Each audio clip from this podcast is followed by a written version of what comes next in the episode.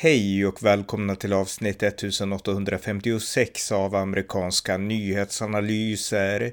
En konservativ podcast med mig, Ronny Berggren, som kan stödjas på swishnummer 070-30 28 95 0.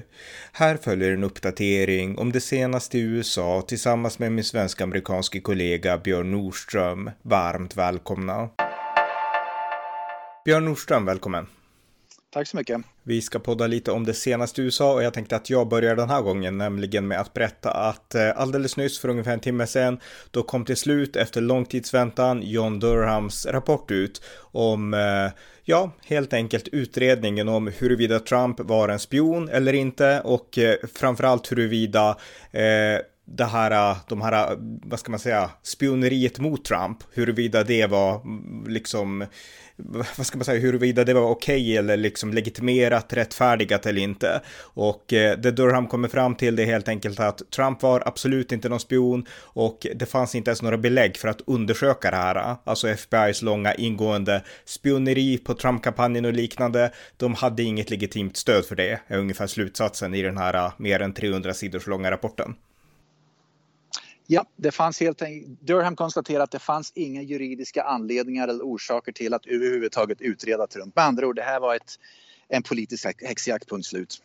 Ja, precis. Och han skriver ju då så här att, eh, jag ska kolla om jag har, jag har nyss kollat, jag har inte läst hela rapporten, då med lite sammanfattningar. Han skriver då så här, eller de som har skrivit rapporten, att eh, eh, eh det, det började med ett rykte då kring en eh, George Papadopoulos som vi har pratat om förut, ja. en liksom löst knuten policy advisor till Trump som gjorde ja. ett påstående på en pub och utifrån det så byggde man hela den här idén om att Trump skulle vara spion och eh, FBI var inte liksom, eh, man analyserade inte att en stor del av informationen kom från Clinton-kampanjen och man gjorde otroligt många misstag på vägen som ledde fram då till hela det här narrativet om att det fanns en Rysslandskoppling. Så att det här är alltså slutsatsen man kan dra, det är helt enkelt att FBI gjorde enorma misstag eh, och vissa gjordes medvetet av aktivister inom FBI.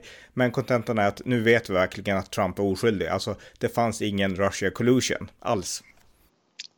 Precis, och vi ser ju skillnaden hur Trump har behandlats gentemot till exempel Clinton, Hillary Clinton och Joe Biden. När det gäller Clinton och hennes servers, då fanns ju konkreta bevis, men det var ju ingen direkt större utredning under det, om det. Och nu när det gäller Joe Biden och Hunter Biden framförallt, alla hans skumma affärer som, som, som det finns väldigt mycket bevis för att han är inblandad i skumma saker. Jag läste bara för ett par dagar sedan att Joe Biden har också kopplingar nu till, till, ekonomiska kopplingar till det som Hunter Biden har gjort. Va? Men det utreds ju inte alls. Va? Så vi ser att det här är ren, enbart ren politik. Det är allt det handlar om. Mm. Att försöka få in liksom, uh, att, att Justice Department uh, under Joe Biden nu är, har liksom, och jag läste någonstans någon annan rapport som skrev också att minns inte vilken det var, men det var bara ett par år sedan jag läste att FBI tror jag det var som sa att de känner sig inte uh, vad ska man säga, bekväma i att utreda Hunter Biden. Det liksom är någonting som de helst inte vill göra. Nat av naturliga skäl, va? men det är helt fel. Men vi ser att det här är, det är, liksom, det är politiskt allt det här. Det handlar ja. bara politik. Verkligen, men, men jag vill innan vi går vidare ändå hålla fast lite vid det här. Därför att vi har ju först hade vi ju eh, eh, Müllers rapport, Robert Müllers rapport, som släpptes som yep. då 2019 eller när det kan ha varit, där man då gick igenom allt som hade med anklagelser att göra och där fastslog man att det finns inga bevis för att Trump är någon form av Rysslandsspion. Yep. Så att där följer yep. den första liksom delen av pusslet. Och eh, sen så kom det ut nu i februari en lång ingående granskning av journalist, journalisten Jeff Gert som eh, kom fram till att det var ett falskt narrativ som liksom byggde det här Russia Gate. Så han var helt övertygad om att, och han också undersökt försökt i flera år att det här var ett falskt narrativ.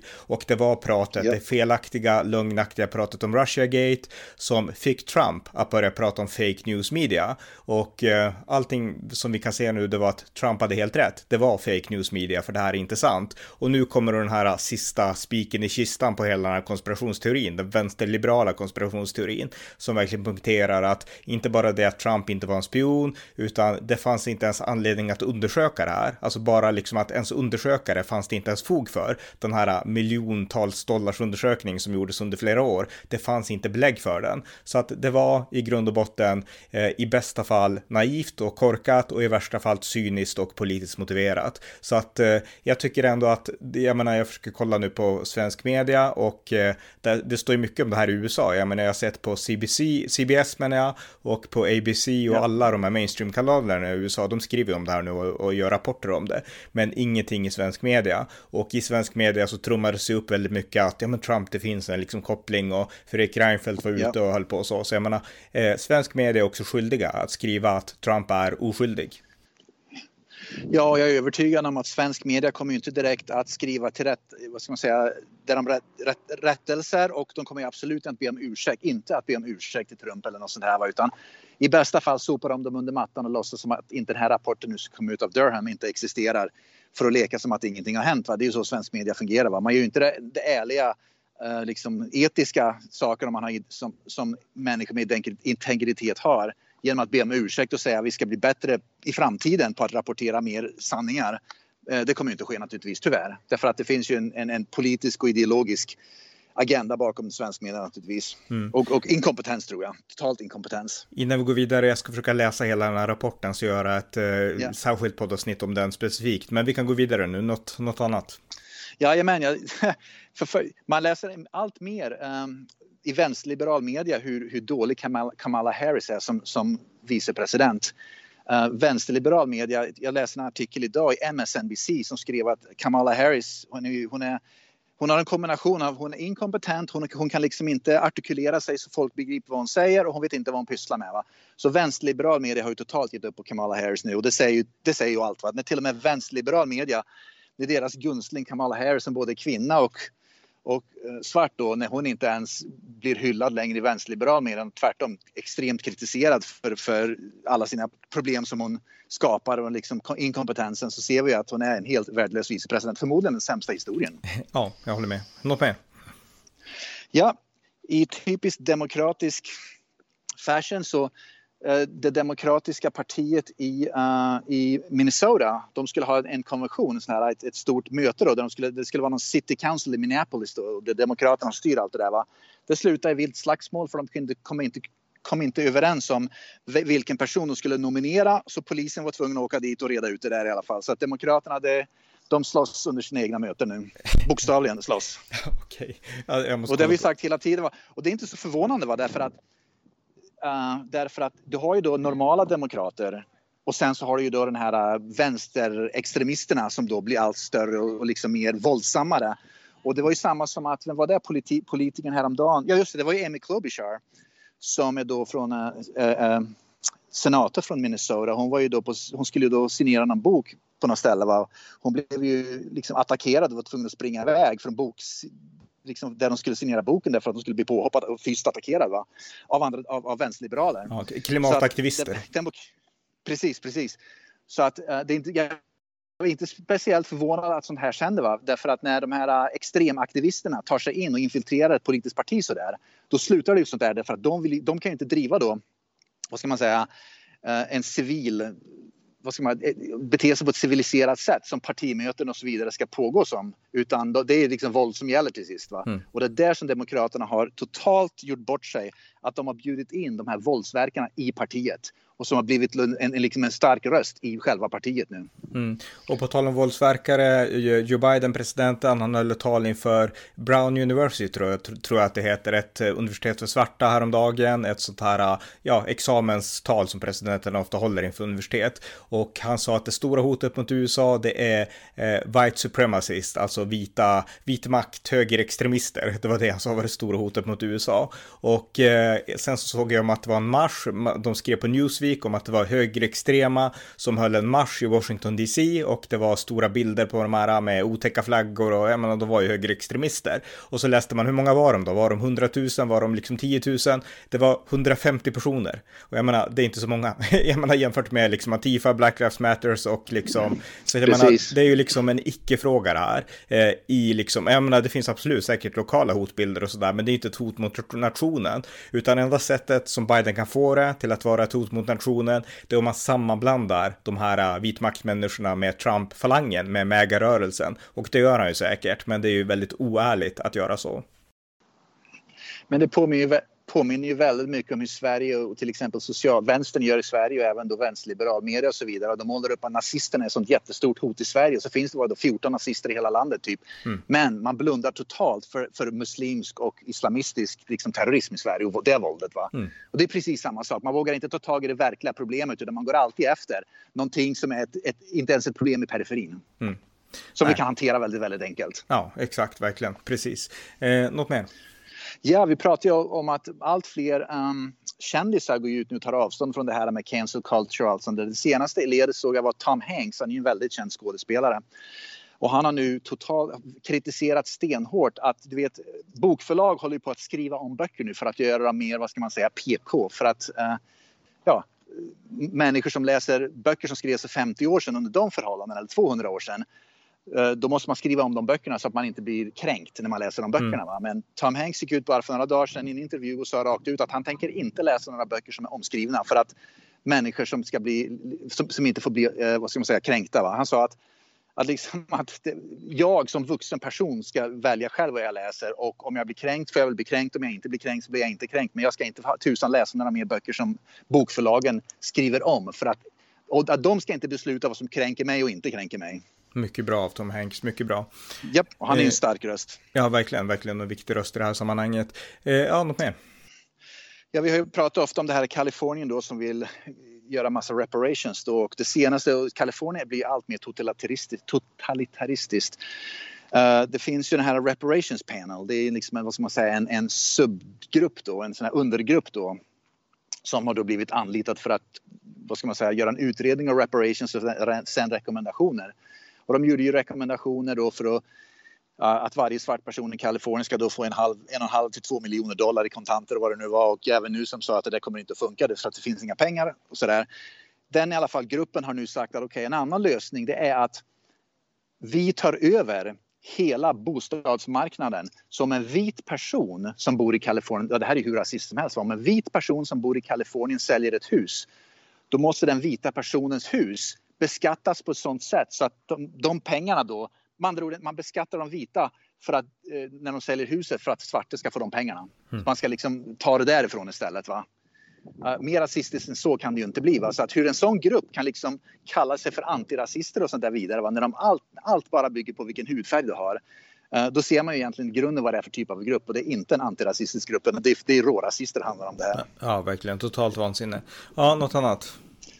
Jajamän, jag såg att eh, återigen, vi har pratat mycket om det här transgenders, olika Friidrottsförbundet har ju gjort sina regler nu och även då, ja, det var ju grejen om cykelsporten och så vidare och så vidare. Va?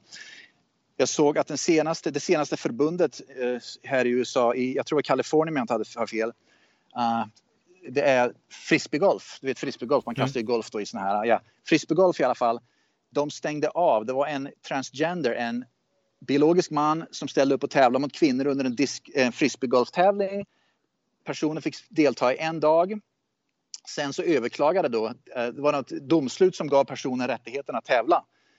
Men i alla fall, sen överklagade då uh, Frisbeegolfsförbundet det där domslutet till, jag tror det var Ninth Circuit Court, som andra ord, vad heter det, Circuit Court på svenska? Det är liksom det som är under HD.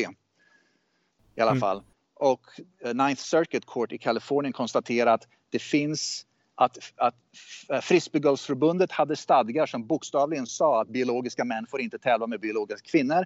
Därför får personen inte längre tävla. Så den var tvungen, den fick inte tävla dag två. Mycket bra, mycket bra. Ja, så stad, i stadgarna fanns det, men den första domaren, den första instansen, den första domstolen verkar vara aktivister. De struntade att stadgarna fanns, men, men Ninth Circuit Court, appellationsdomstolen, konstaterar att stadgarna fanns, de är solklara om det står så i stadgarna, då ska inte personen få delta helt enkelt. Mycket bra. Och, mm. Ja, alldeles mm. utmärkt. Något annat? Jajamän, governor, uh, governor uh, Abbott, guvernören i Texas, han har skickat upp nu en massa nya migranter till Naval Observatory, med andra ord till uh, Kamala Harris uh, hem, hemkvarter. Så han skickar upp några buss, busslaster och droppar av dem i Kamala Harris igen. Ja, okay. Där hon bor. Jajamän, så han fortsätter. Han ger sig inte. Han tutar och kör. Och mm. på tal om det så har Title 42 gått ja. ut nu och det innebär att ja, det har kommit många fler som försöker korsa ja. gränsen och jag såg ett inslag på CNN, det har varit intressant. Då intervjuade CNN en illegal immigrant och han sa specifikt att han hade kommit för att han hade hört att Title 42 var ja. upphävt. Så att de kom ju specifikt av den anledningen. Sen verkar det inte ha blivit en lika total katastrof som man förutspådde och det beror väl på att man har ändå skickat dit poliser nu och försökt stävja upp det här på olika sätt. Men fortfarande så enorma problem. En person som arresterades vid gränsen för bara ett par dagar sedan var en, en internationell terrorist från Afghanistan. Hmm. Så att de, de, lyckades i alla fall plocka upp den personen. Jag såg att det var en uh, kongressman från Kalifornien, jag minns inte, minns inte vilket distrikt, men i alla fall en, en i, i representanthuset från Kalifornien som kritiserade Biden stenhårt och sa att vi, terroristerna kommer ju in i landet nu till och med så att liksom, det är Bidens vi, vi, måste sätta stopp därför att nu haffar vi till och med internationella terrorister som försöker ta sig in. Mm. Och om vi haffar någon, då måste det vara några andra som slinker igenom helt enkelt. Så är det ju alltid. Man, haffar, man, man, an, man an, anhåller någon, men det finns ju alltid några som slinker igenom nätet. Mm. Biden själv, han sa idag i alla fall att kom inte in i USA. Om ni är illegala immigranter och kommer till USA då kommer vi att bestraffa er stenhårt. Det, bokstavligen kan du inte säga det idag va? Men det vet ju alla att det, vad betyder det? Han sa att det kommer att vara tuffare konsekvenser för er nu än det var under Title 42. Mm. Ja. Men vad det betyder, konkret, det är ingen som vet. Och det, det, betyder alltså ingenting. Han bara säger det, men det betyder ju inget. Exakt, och det var det bättre om han hade sagt det liksom i ett tidigare skede, för då hade han kunnat skicka rätt, rätt signaler ja. för typ två, tre år sedan. Så att, eh, ja. Precis. Bättre sent än aldrig kanske. Ja, något mer? Jajamän. Eh, San Francisco har vi pratat om. Det är en stad i total förfall vad gäller brottslighet och hemlöshet och droger och kriminalitet och allt sånt där. En person som har varit väldigt öppen och pratat om just de här problemen med, med städerna det är Dave Chappelle. Dave Chappelle är en känd komiker i USA. Han är en svart komiker. Han är ganska rolig faktiskt. Men så vi pratar om att det är komikerna i USA, framförallt svarta komikerna, ståuppkomikerna, är de som, som går längst fram i ledet att, att kämpa mot PK, att kämpa mot cancel culture. Men han har i alla fall ut och sa nu att San Francisco är ju en jädra skithåla. Det är brott överallt, droger överallt. Det är totalt liksom att han, han bokstavligen sa att det är en skithåla att vara i. För han var tydligen där. På no, han gjorde någon show där. Mm. Så han, han, besökte stan då. Och han sa att det var ett helvete. Jag kommer åka härifrån så fort som möjligt. Mm. Ja. Ja. Så San Francisco, det San Francisco jag minns när jag var där, jag har inte varit där på 30 år. 25 kanske. Mm. Men det var en jättefin och mysig stad och så vidare. Va? Det, har ju, det har blivit totalt dekis. Va? Det, mm. det, det är sorgligt att se. Mm. mm. Ja, något mer? Jajamän. Uh, Joe Biden för ett par dagar sedan, han blev, uh, vad heter, han fick en doktors, en, vad heter den sån här honorary, honorary doctor degree. Hedersdoktor. Vad heter det på svenska? Hedersdoktor, mm. ja precis. På Howard University och han fick det därför att han, han, han, huvudorsaken är att Joe Biden är så intellektuellt kapabel och han är så skicklig på att analysera situationer. Det var de kriterierna som han fick eh, hedersdoktortiteln på. Men det kanske var det, hänvis, inte... det var det talet i hänvisade tror, till, tror jag, när han pratade om white supremacist. Det var Howard, det var det ju såklart. Ja, det var det. Just, just, just, mm. Howard University, mm. precis ja. så att hans intellektuella förmåga var det som gav honom heders, hedersdoktortiteln. Vi, vi pratar ju ofta om att han har ingen förmåga, intellektuell förmåga kvar längre. Va? Han, han, han visade upp den genom att förklara att det är white supremacy som är det stora hotet. Precis. Och så fick han hedersdoktor. Precis, Precis. Ja. det är helt otroligt. Ja. Ja. ja eh, och det påminner mig om, jag menar, vi har ja. ju Karina Bergfeldt här i Sverige, hon fick ju en hedersdoktorstitel av Umeå universitet, min gamla, min, min universitetsstad, för sin USA-rapportering ja. och jag vet inte om hon förtjänade det heller. Eller det gjorde hon inte kan jag säga då. Nej, det är ju det, man vill, universitet vill associera sig med en viss person. Mm. Så att när man, nu, nu, kan då Howard University, det är inget speciellt fint universitet, det är inget, inte direkt som att det är Harvard eller Stanford eller något sånt där va.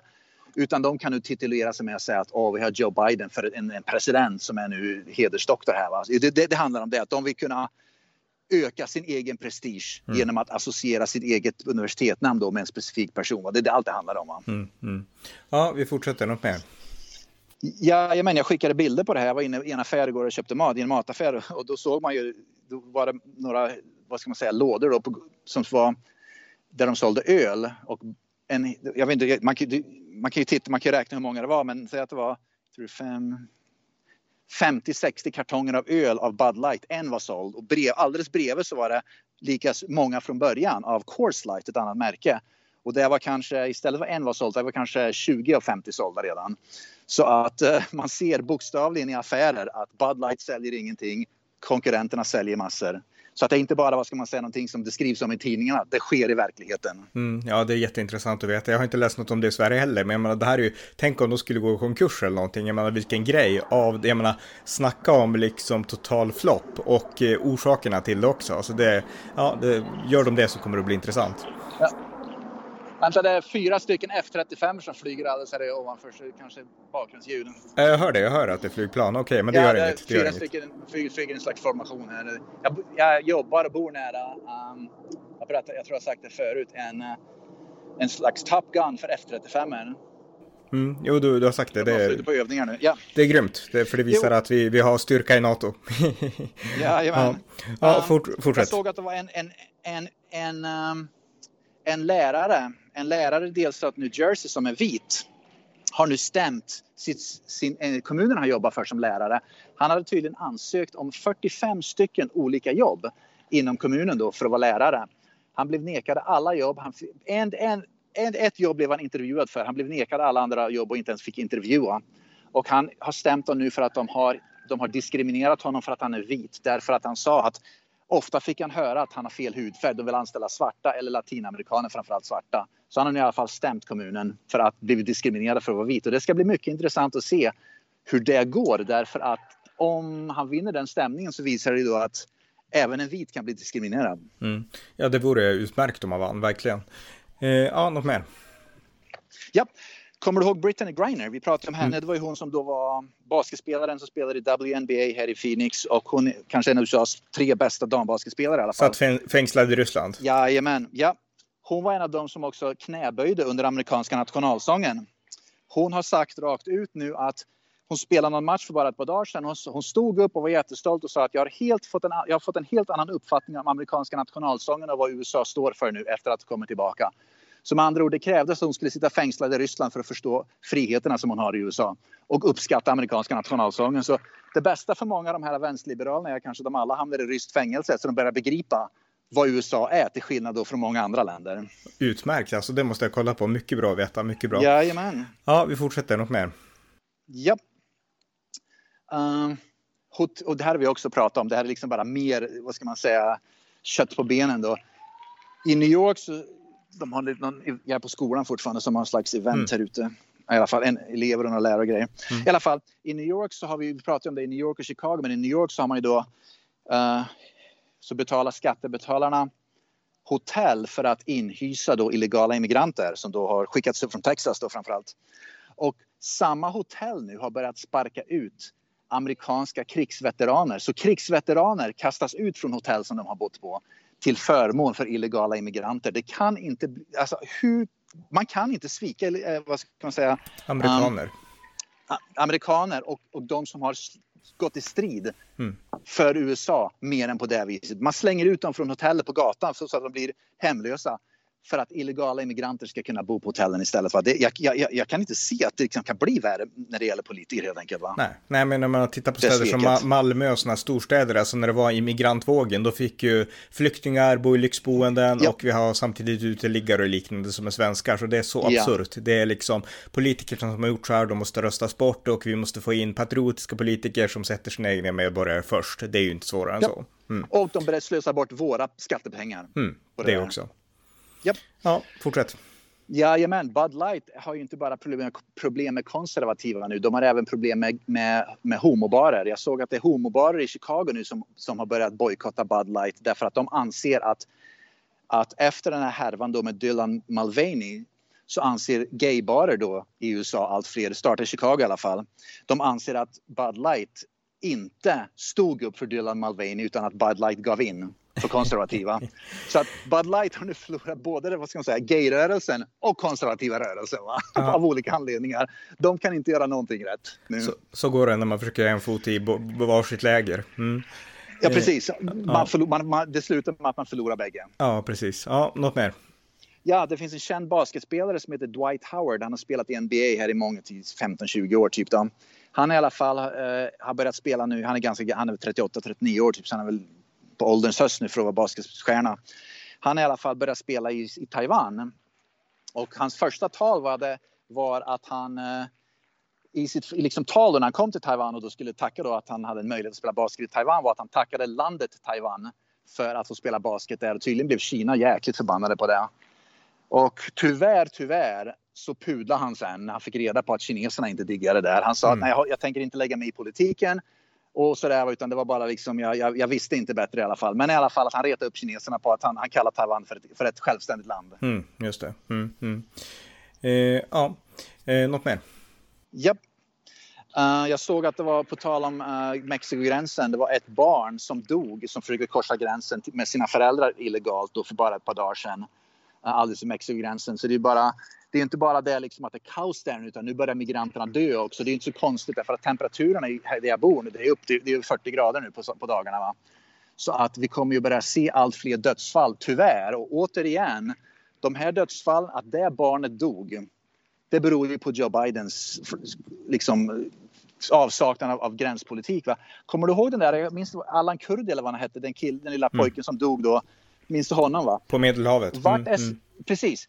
Vart är, man undrar ju nu, svensk media var ju omedelbart snabba med att liksom måla upp det som ett offer och liksom att vi är inhumana och så vidare. Och så vidare va? Svensk media borde ju nu visa en bild på den där pojken som dog vid gränsen och måla upp att Joe Biden för en extremt, eh, vad ska man säga, inhuman gränspolitik där han, han, signalpolitiken är att illegala immigranterna kommer hit och försöker korsa, korsa gränsen när det är 40 grader i skuggan. Mm. Och liksom 150 grader i solen, eller liksom i, i solen då. Mm. Eh, jag kom på en sak till också. Du vet den här marinsoldaten som vi pratade om som tog ett stryptag ja. på en våldsam svart man på om det var tunnelbanan i New York. Eh, och den här mannen dog sen, men det var ju ett ingripande ja. då för att skydda allmänheten mot en våldsam person. Ja.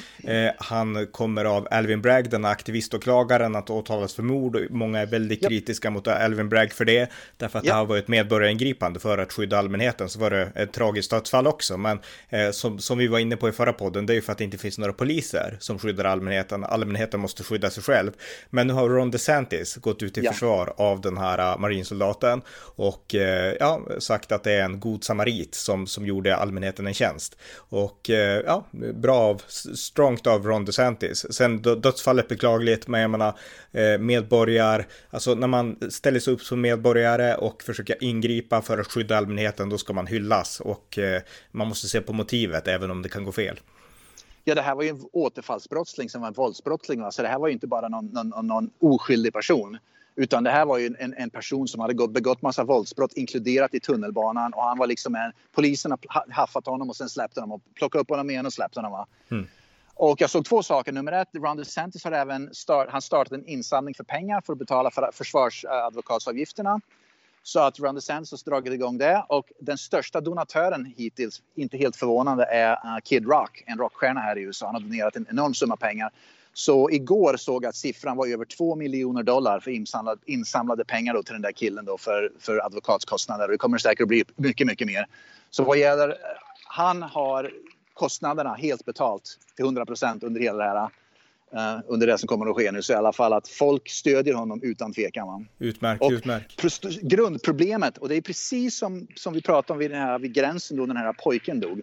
Grundproblemet är att mentalt sjuka människor, våldsmänniskor får, får, bete, får liksom begå våldsbrott på gator och torg och tunnelbanorna utan att polisen och åklagare och liksom staten gör någonting, eller delstaten eller vad det nu är. Va? Det är det som är grundproblemet och det är det som skapar... Här i USA börjar man kalla det för vigilante mm. uh, justice. Med andra ord, det liksom är medborgare, vad heter det, Med, medborgargarden eller vad man ja, kallar det. Ja, precis, pöbeln, ja exakt, medborgargarden. Precis, mm. och, man, och, det skrivs allt mer om sånt där just nu, att det är nu pöbel, pöbeln som drar igång här i USA och börjar försvara sig själva, försvara andra nu, därför att framförallt i de demokratiska delstaterna, de, de som då leds av demokraterna då, därför att polisen, åklagare, politiker gör ingenting, tvärtom de hjälper brottslingarna att begå brott mm. istället för att försvåra det. Va? Ja, och det är det som medborgargarden var något bättre ord, mycket bättre ord för just den saken. Mm, ja. Mm.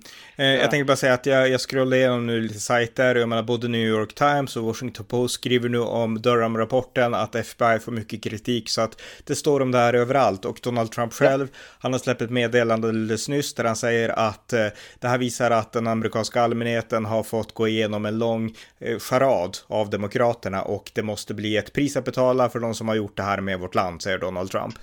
Ja. Och mm. vi, kommer, vi kan ju konstatera att det här kommer bara att gynna hans presidentskapskampanj. Verkligen, ja definitivt, definitivt. Absolut. Eh, Han kommer ja. kunna måla upp sig som ett ytterligare som ett offer nu. Mm. Så Ron DeSantis, jag såg att DeSantis har nu han har omplacerats en, en av hans närmsta rådgivare. Istället för att vara en rådgivare för hans eh, guvernörskap så har han blivit en rådgivare för en, eh, en, en jag tror en slags think tank, en tankesmedja. Och alla vet ju om att den tankesmedjan har att göra med ett presidentskapskampanj naturligtvis. Mm. Mm. Men att det här försvårar för Ron DeSantis och istället ger eh, Donald Trump vind i seglen. Ja, han har otroligt mycket vind i seglen nu. Ja, eh, något ja. mer? Nej, det var faktiskt det jag hade idag. Okej, okay, men tack så mycket. Tack så mycket. Tack för att ni har lyssnat på amerikanska nyhetsanalyser. En konservativ podcast som kan stödjas på swishnummer 070-30 28 95 0 eller via hemsidan på Paypal, Patreon eller bankkonto. Skänk också gärna en slant till valfri Ukraina-insamling. Tack igen för att ni har lyssnat.